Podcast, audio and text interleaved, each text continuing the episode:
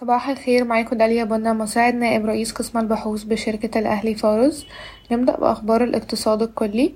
خفض بنك مورجان ستانلي تصنيف الائتمان السيادي لمصر من محايد إلى غير مرغوب فيه بسبب مخاوف بشأن فجوة التمويل وارتفاع حالة عدم اليقين. ستناقش لجنة الميزانية بمجلس النواب مشروعي قانونين من شأنهما رفع حد الإعفاء من ضريبة الدخل ومضاعفة مدفوعات التحفيز الاستثنائية للعاملين في القطاع العام والمتقاعدين. وكانت هذه التغييرات ضمن قائمة الإجراءات التي أعلنها الرئيس السيسي الشهر الماضي للتخفيف من تأثير الأزمة الاقتصادية على الأسر الضعيفة. تعمل البورصة المصرية على استكمال الإجراءات مع الجهات التنظيمية المالية وشركات الوساطة لإطلاق سوق المشتقات المالية خلال عام عشرين أربعة وعشرين.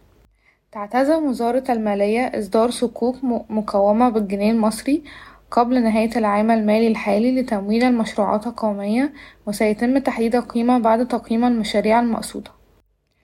تتطلع الحكومة إلى بيع عشرة لخمستاشر في المية من حصتها البالغة اتنين وعشرين في المية في شركة إنتاج اللدائن الحرارية المملوكة للدولة الشركة المصرية للبروبولين والبولي بروبولين إلى مستثمر أجنبي. أما بالنسبة لأخبار الشركات استحوذت شركة بالم هيلز على قطعة أرض تبلغ مساحتها تلتمية أربعة وسبعين فدانا بجوار المنطقة الرئيسية للشركة بالم هيلز أكتوبر. وسيتضمن المشروع وحدات سكنية ومساحات تجارية وتوسعات لنادي بالم هيلز الرياضي وفندقا بقيمة مبيعات متوقعة تقدر بخمسة وتمانين مليار جنيه.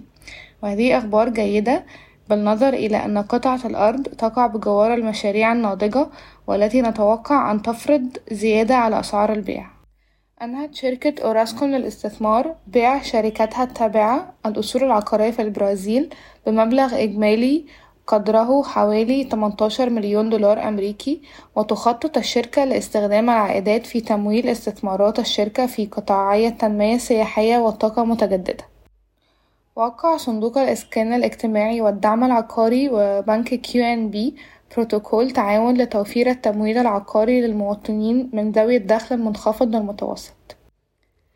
يعتزم بنك مصر إطلاق صندوق مؤشر أخضر للحوكمة البيئية والاجتماعية والحوكمة في الربع الأول من عشرين أربعة وعشرين بناء على مؤشر ستاندرد اند بور للاستدامة.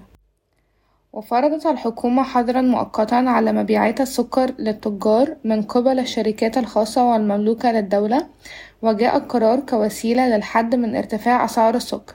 ومن المقرر أن تجتمع حكومة مدبولي مع شركات تعبئة السكر والتجار اليوم للتفاوض بشأن الشروط والاشتراطات الجديدة لتداول السلع.